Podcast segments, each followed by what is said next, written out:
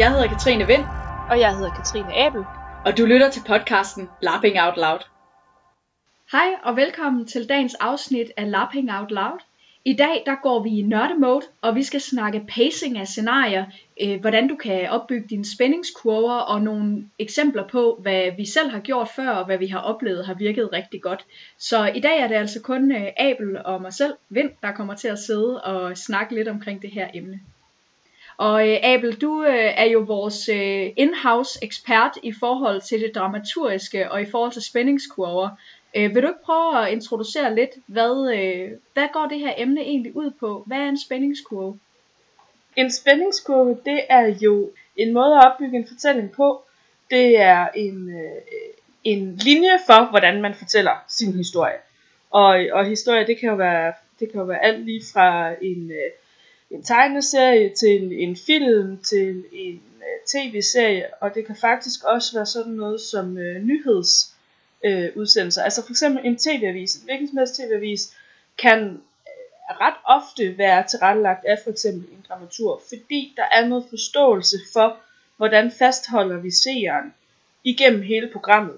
Hvilke, hvilke nyheder øh, er gode at ligge hvornår i programmet i forhold til, hvad ved vi, øh, seerne gerne vil. Når, man- hvis der lige har været noget alvorligt, så skal der måske være noget lidt mindre alvorligt, men der må ikke være noget sjovt, fordi så bliver man du ved, så, så tænker man sådan, okay, nå, men de er også lidt kyniske, de derinde. De kan da ikke lige først fortælle om bomber, og så bagefter fortælle om øh, barnelatter, eller, eller sådan. Så, så basically så er det en måde at lave en, ja, en spændingskurve, som det jo så også fint hedder, over de fortællinger, eller den fortælling, man skal igennem. Tit er der jo mange fortællinger i en. Det kender vi jo fra scenarier, når vi snakker sådan den store overordnede fortælling, eller hovedplottet. Så det er jo ikke nødvendigvis det, som altid er i fokus. Nogle gange så er det jo også vores karakterers relationer til de andre karakterer, der er i fokus. Det kan være et eller andet familiemæssigt. Øh, det kan være, at der er nogle små plots, som skal løses, for at man kan komme videre til de store plots. Så det er generelt sådan en forståelse af, hvordan vi tilrettelægger de her ting. Hvordan vi bygger det op. Og man kan sige, at nogle gange så, så er der jo slet ikke et hovedplot. Nogle gange så er der jo simpelthen ikke nogen overordnet spændingskurve for et scenarie. Der er en række, en række Lige præcis. emner, en række hændelser, man kan tage fat i, hvis man vil. Og, øh, og så kan man se, om det passer ind i ens eget narrativ og ens egen pacing. Ja, ja, helt sikkert. Altså, jeg vil jo, jeg vil våge at påstå, at der altid er en spændingskode. Det kan godt være, at man ikke har taget højde for den. Det kan godt være, at man ikke aktivt har lavet design, hvor man tænker, det her det er vores spændingskurve, eller sådan skal vores spændingskurve se ud.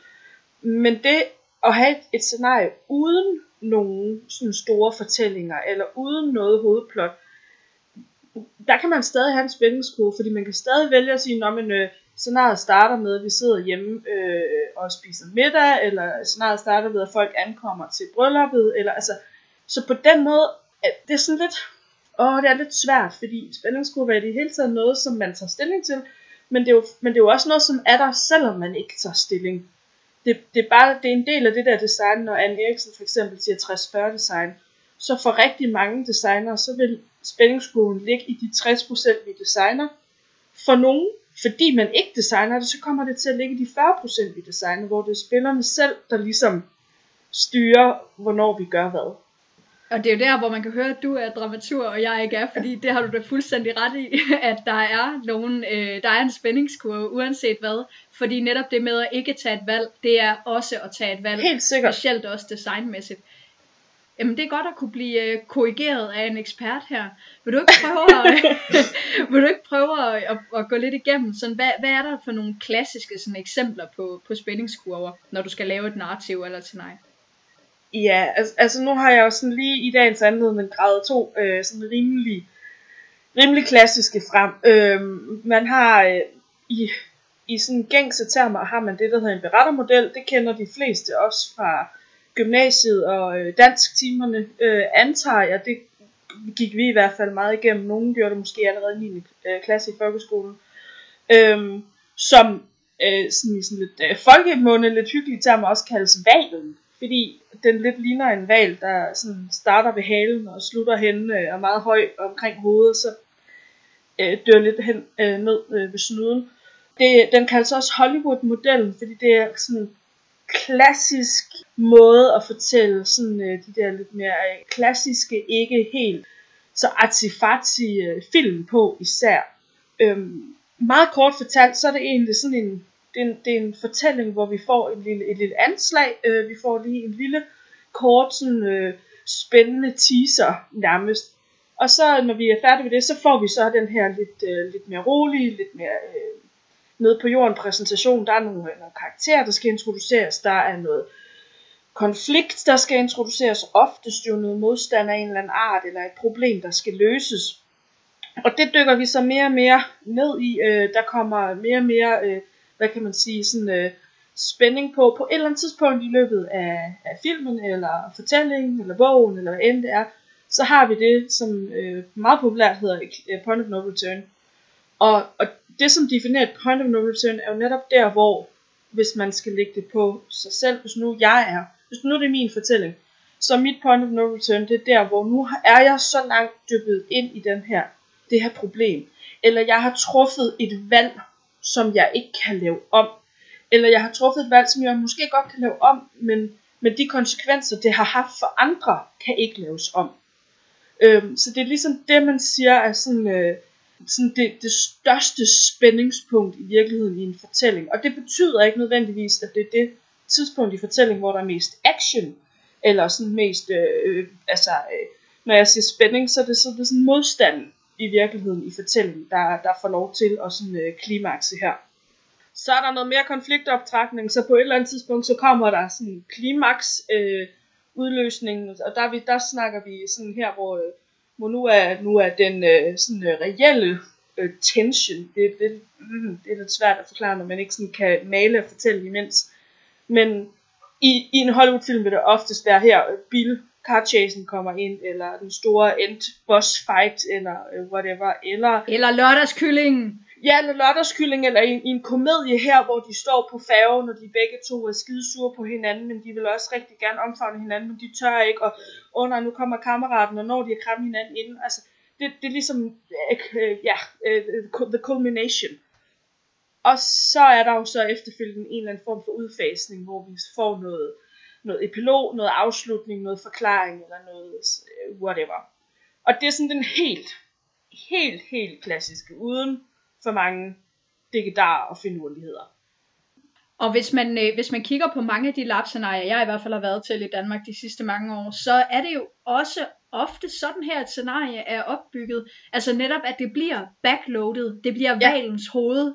Øh, der, øh, der, det er der, der sker noget lørdag aften, som vi bygger op til under hele scenariet.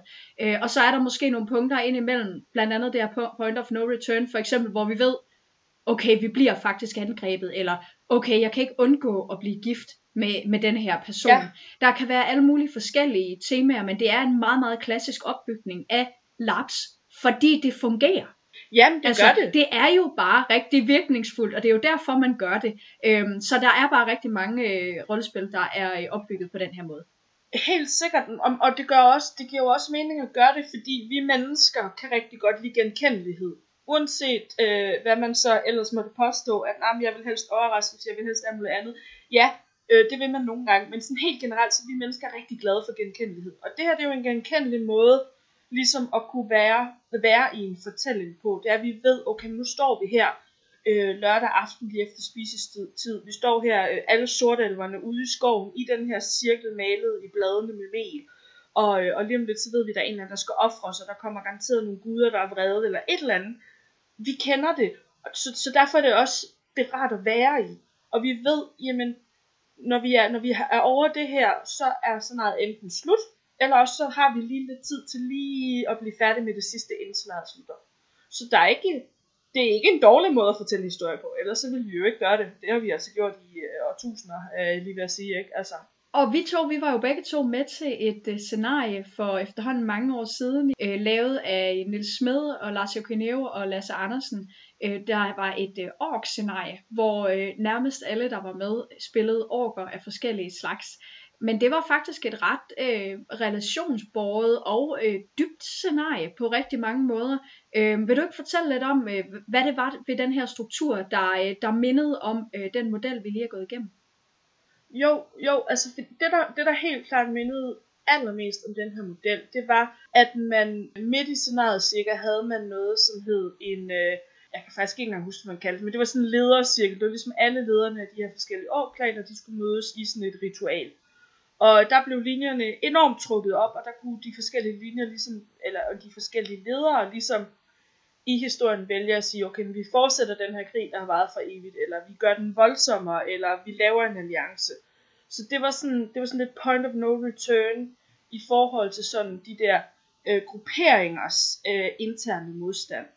Og så havde man så øh, igen øh, meget klassisk lørdag aften, der sluttede øh, scenariet med øh, en, et langt øh, ritual, virkelig meget vellavet, vil jeg så lige så sige, rigtig, rigtig lækkert Helt enig. ritual, hvor rigtig mange af spillerne deltog, fordi de skulle have åndernes dom, som også var det scenariet hed. Så på den måde mindede det rigtig meget om. Det de dog alligevel havde lavet lidt anderledes, det var at scenariet startede med, at, øh, at de her karakterer finder sig selv inde i øh, sådan en magisk kuppel, øh, som ånderne ligesom havde lavet. Sådan en magisk, øh, ritualistisk, øh, hvad hedder det, plads. Hvad kan man sige? En rituel plads, magisk ritualplads under en kuppel. Og det, det, det skabte altså noget spænding, at de her orker lige pludselig fandt sig selv spadet inde i den her magiske kugle med deres dødsfjender. Allerede helt i starten af spillet. Så, så det var sådan en måde lige at, at give det lidt kant allerede fra starten af. Det virkede rigtig fint, og det var en rigtig fin berettermodel, øh, der, var, der var lagt ned over det her scenarie. Altså man kan sige, at valens hale var, var større end normalt. At det var en, Ja, øh, det- det var en god halefinde, man kunne se, øh, mens den dykkede ned, hvor det startede på et øh, sådan high note også. Yes, det, det, ja, det er en god måde at beskrive det på, helt sikkert. Og nu vi, nu vi snakker backloading, så er det klart, at vi selvfølgelig kommer til frontloading, som er en af mine store pointer. Men jeg vil egentlig Ja. gerne have, hvis vi lige kunne få dig til at gå igennem den anden model, du har taget med. Ja, altså den anden model er, øh, er oprindeligt øh, øh, sådan præsenteret af en fyr, der hedder Freitag. Og i virkeligheden så er det sådan en pyramidemodel, den bliver også bare kaldt pyramiden. Øh, fordi den, den påstår, at, øh, at en god historie bygger sig op om, at vi starter for foden af pyramiden, og så, øh, så får vi præsenteret nogle, øh, nogle karakterer, vi får præsenteret nogle problemer, nogle modstande, mens vi sådan ligesom arbejder os op af siden af pyramiden. Og så på et eller andet tidspunkt, så rammer vi et klimaks. Freitag skældner ikke som sådan mellem et, et sådan modstandsklimaks, altså det her, hvor vi snakker om point of no return i forhold til, har, har jeg lavet noget, har spillerne lavet noget, har hovedpersonen i filmen lavet noget, eller er kommet et sted hen, eller mødt nogen, som ligesom gør, at nu kan de ikke træde tilbage igen. I, øh, i den her, i pyramideklimaksen, der er klimakset, klimakset, det vil sige, der er et, så det er der, hvor der er allermest spænding, det er, hvor der måske er allermest action, eller sådan øh, allermest modstand, og hvor, øh, hvor alt ligesom sættes på spil. Og, øh, og så er der en eller anden forløsning af det. Vi kommer over på den anden side, og så, så bevæger vi os langsomt nedad igen, og vi ender nede i, han, han ender faktisk med at kalde det, kalde det katastrofen, eller sådan faldet ned til katastrofen. Og, og det lyder jo meget, øh, meget voldsomt, meget dramatisk, og det, øh, det kan det egentlig også godt være, de her, de her, den her, øh, hvad hedder det, spændingskode bliver tit brugt, øh, også i forhold til, til tragedier og sådan noget, eller læsning af tragedier. Det kan også bare være, nu ser jeg bare sådan godsøjne, tilbage til øh, der, hvor vi kom fra før, men nu med en masse, der er tabt, eller noget, øh, noget, noget modstand, der har fået lov til at vinde, eller man er i værre sted end før. Det kan selvfølgelig også gå den anden vej, men det er ikke så tit lige med den her spændingsgruppe, man ser det. Jeg har en lille påstand, som jeg ikke lige har indvidet dig i, som jeg vil høre, hvad du siger til. Ja. Nu hvor du er gået igennem den her øh, pyramidemodel. Øh, et af de scenarier, vi jo elsker at referere til her i Lapping Out Loud, det er jo brudpris. Og, og jeg synes umiddelbart, efter jeg har set de her modeller lagt frem, at der er en form for pyramidemodel lagt ned over scenariet brødpris. Hvad, hvad tænker du umiddelbart om det? Jamen, det er jeg helt enig i, fordi det er også, det er også en slags, øh, jeg tænker det inde i mit eget hoved også sådan en slags, som sådan en slags cirkelfortælling. At man starter et sted, og så sker der en hel masse i løbet af en fortælling. Og så slutter man egentlig, ikke nødvendigvis præcis det samme sted, men meget det samme sted. Og det er jo det, der sker med brudpris. Det er jo mo folk, lever deres hverdag, så samles de for at lave den her brudprisweekend, fordi de unge kommer hjem, mændene skal blive til, eller drengene skal blive til mænd, og kvinderne, pigerne skal blive til kvinder, det var svært at sige. og så, så er der rigtig meget action den her weekend, der er det her prøvenalsritual, som ulala også er lidt farligt og alt muligt andet, men, men de ender basically det samme sted. Nu er der bare nogle, nogle unge mænd og kvinder, der er blevet gift, og skal ud og lave deres egen familie, og nogle forældre, som er alene, men som, og som skal hjem til gården og fortsætte som før, bare nu uden børnene. Øh, men, men status quo i samfundet er det samme. Præcis, og det er jo der, hvor det er, øh, det er, det er rigtig interessant, at du netop siger, at den her øh, form for, for øh, model tit bliver brugt i forhold til tragedier. Fordi ja. jeg ser i hvert fald også brudpris som en tragedie, en personlig tragedie. Ja da. Øhm, det kan være, at vi lige hurtigt skal nævne, selvom vi har sagt det før, at øh, det er Anna Karin Milner og Karolina Dalberg fra Sverige, der har lavet det her scenarie oprindeligt. Er det så blevet sat op i, øh, i Danmark af Oliver Nøglebæk og Mads Holst og Mads Havshøj. Ja, og Liv Lykke Schubert var også med her til det sidste øh, at lave det. Ja. ja, lige præcis det her. Men, det, men med brudpris er der jo lige præcis, der er sådan en, en ritual nat, hvor det ligesom er, det er det mest dramatiske punkt. Og noget der, hvor jeg synes brudpris er så interessant, det er, jamen det er ikke øh, til sidst, at der er et eller andet form for klimaks, ligesom i, øh, i den normale, skal man sige, spændingsmodel. Øh, ja. Der er det bare lidt anderledes bygget op her, og ja jeg synes faktisk, det er ret interessant at bruge de her modeller, som du fremlægger, og, og finde flere modeller selv, og så se, hvad, hvordan når jeg skal designe mit scenarie, hvad kunne jeg godt tænke mig, folk får ud af det? Og hvad for nogle modeller er der så måske jeg lægge det ud efter? Ja, fordi jeg synes jo faktisk, det der er rigtig interessant ved pyramidemodellen, det er, nu snakker vi jo det her frontloaded og backloaded, hvor beretter, øh, berettermodellen er jo rigtig meget backloaded. Altså vi spiller hen mod, øh, vi bevæger os hen mod bagenden, ikke? vi spiller hen mod, øh, mod noget pyramidemodellen er sådan lidt en mellemting.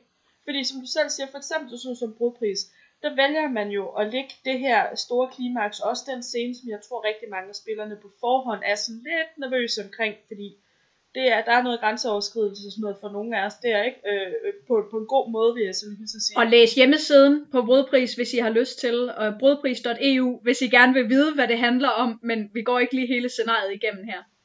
Nej, men, men det betyder, at når man lægger højdepunktet der, hvor man gør, så har man sådan en meget lang øh, pyramide øh, gliding, øh, for lige at bruge, blive metaforen en lille smule. Altså fra, fra højdepunktet og ned til, til sådan den her endelige færdige øh, finish øh, katastrofen. Der har man sådan meget lang og til brugpris meget stille og meget træ gliden ned i, i miserable. Og det fungerer sindssygt godt, fordi vi har haft klimaks, og vi ved, hvad det værste, so to speak, i Mo kan være. Og, og der skal vi ikke hen igen, så nu skal vi tilbage til normal. Men det er rigtig, rigtig svært at komme, og det koster meget. Og det er en, en så fin fortælling. Øh, og det er jo det, jeg synes, der gør scenariet til et klasse scenarie. Så nu har vi altså de to øh, modeller, berettermodellen og pyramidemodellen her. Øhm, vi kan øh, lægge nogle links op til nogle flere eventuelt, men det er to af de helt klassiske. Ja, og det vigtige her at sige, det er, at altså, man behøver, som sagt, man behøver ikke øh, lægge sig for at have en, øh, en specifik model til scenariet. Tit og ofte, så, øh, så det vigtigste det er, og det kommer vi også til lige om lidt, når vi skal snakke frontloading især, det er at tage stilling til, hvornår synes vi, de her spændingspunkter, de her klimakser, de skal ligge i forhold til vores fortælling. Man behøver ikke nødvendigvis sætte sådan noget tegne en spændingskurve over sin fortælling det kunne jeg finde på, fordi jeg er nørdet, og jeg synes, det er interessant, og, og, og alle de der ting. Men, men det behøver man altså ikke. Det, øh, det er bare lige for at sige, at, at man behøver ikke gå ned i, øh, i specifikke øh, spændingskurver. Man, man kan bare, du ved, tage det som det kommer. Og så er det også, øh, når man er, øh, når man er energisk og udadvendt og gerne vil lave scenarier, hvor der er knald på, så kunne man godt finde på, øh, som øh, nogen gjorde for 10 år siden, og prøve at lægge en spændingskur, der hedder, der skal være fuld knald på hele tiden. Det kan jeg fortælle af erfaring, at øh, det brænder spillere ud af. Der er ja. ikke øh, nogen, der kan holde det energiniveau øh, særlig længe, og det bliver ikke nødvendigvis en særlig god fortælling. Så jeg vil ikke anbefale at tage den tilgang til det i hvert fald. Og, og, du, og nu sagde du lige præcis kodeordet, det bliver ikke en god fortælling. Og det er fordi fortællinger er jo bygget op af, øh, af kontraster og af modstand. Det vil sige, hvis man ikke har en kontrast fra øh, total action pack spænding til nu har vi faktisk tid til at stå her hen over, øh, over aftensmadsgryden eller opvasken, eller sidde her i Lunden og snakke lidt dybfindigt og, og så videre. Så altså, hvis ikke man har det, så bliver det meget ensformig fortælling, og ikke, som du selv siger, super interessant. Det er selvfølgelig en smagsag, men øh, jeg er helt enig. Øh, det, det, det er jeg i hvert fald. Ja, men skal vi ikke, øh, skal vi ikke springe ud i det der frontloading?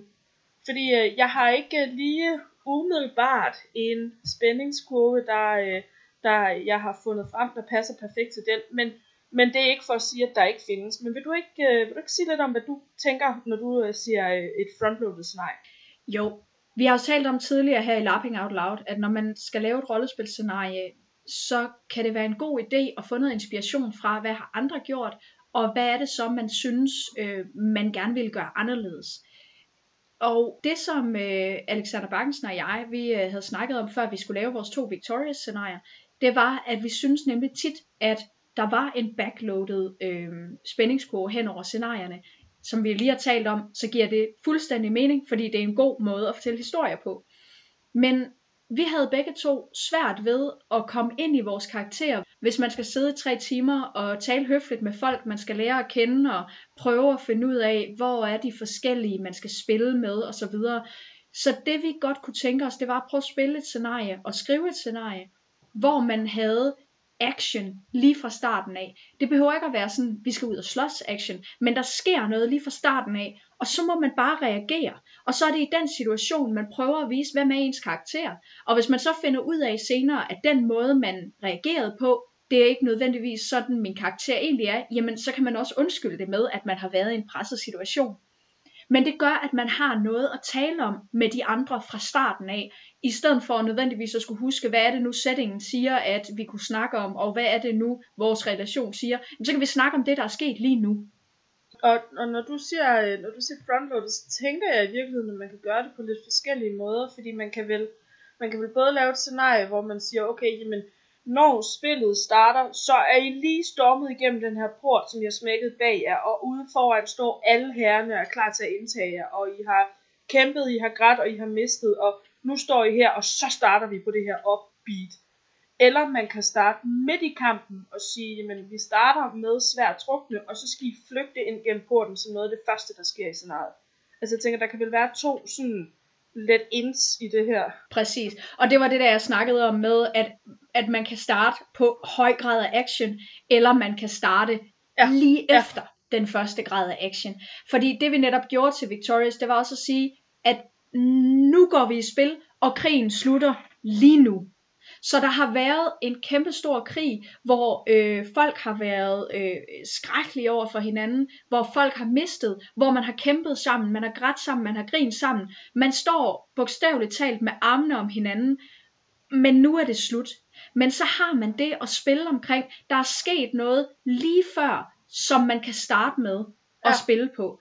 Og det kræver selvfølgelig, at man laver nogle workshops, så man er i det mindset i forhold til, okay, det her er lige sket, så du ikke behøver at koldstarte.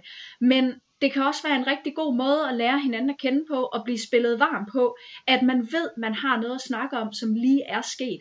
Og det er så det, vi har designet ind i det her scenarie. Jeg er sikker på, at der er mange, der har gjort det før. Det var bare ikke noget, vi havde oplevet i de danske scenarier, vi har deltaget i. Nej, altså jeg sidder jo, ja, jeg sidder nu og graver min hjerne frem for at finde scenarier, som jeg kan huske er designet sådan her.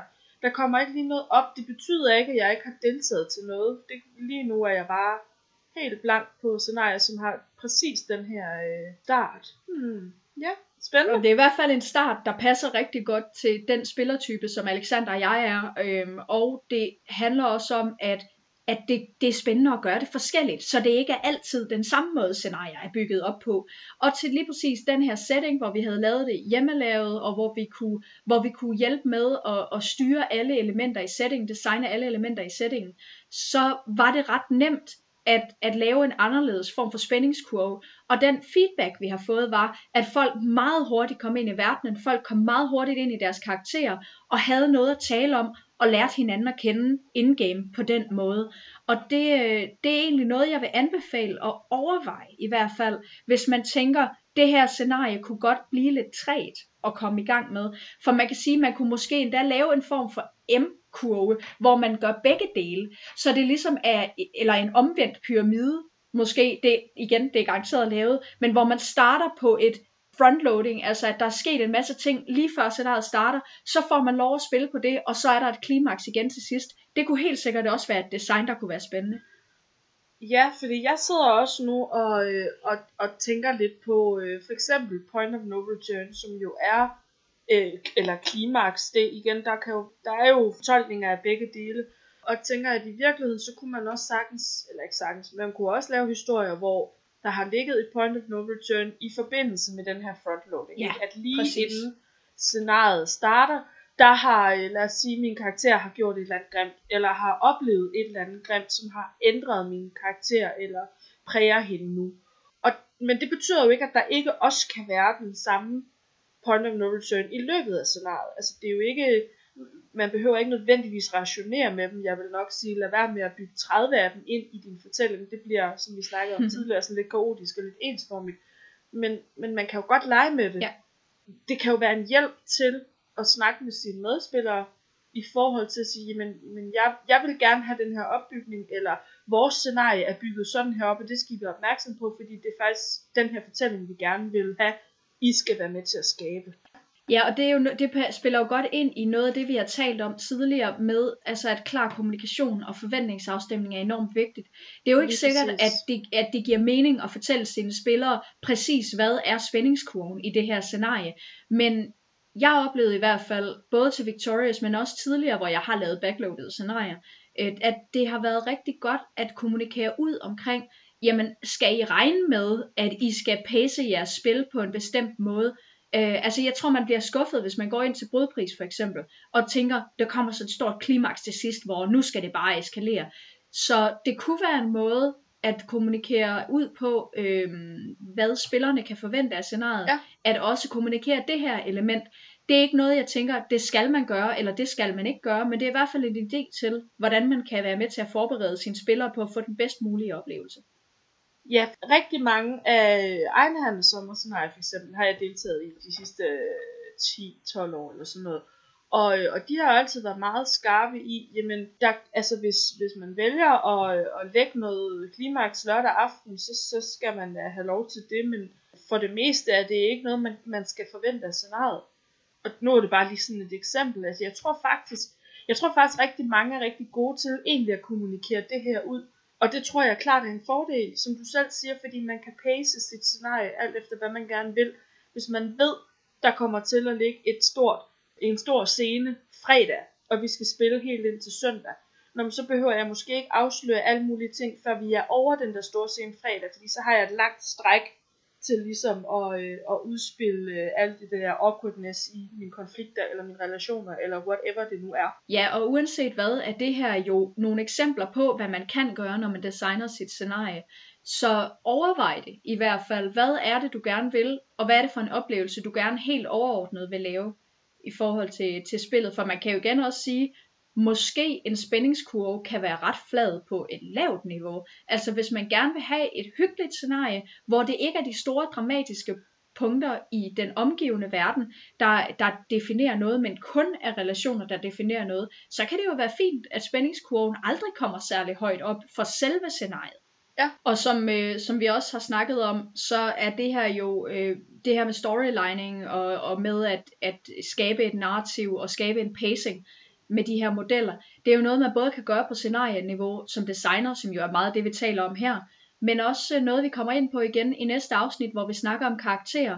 For det med at pace din egen fortælling, det er jo også en måde at sørge for, at du får den oplevelse, du gerne vil have. Og der er pointen her bare, at man som designer kan hjælpe sine spillere ved at kommunikere ud, jamen hvad er den overordnede pacing for scenariet? Fordi så kan det være, at spillerne har nemmere ved at pace deres karakter til at passe til, at der ikke kommer nogen ting, så de ikke kan spille deres karakter senere på grund af det, der sker i scenariet, eller at de bliver afbrudt i det, de gerne vil, og sådan noget. Ja, og i virkeligheden så øh, en lille teaser til næste afsnit, der behøver jo ikke nødvendigvis pålægge samme spændingskurve på scenariet som til rollerelationerne eksempelvis. Er kontroversial.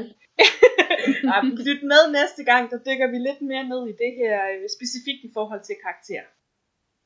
Det var alt for denne her gang. Du har lyttet til Lapping Out Loud. Mit navn er Katrine Vind. Og jeg hedder Katrine Abel. Tak fordi du lyttede med.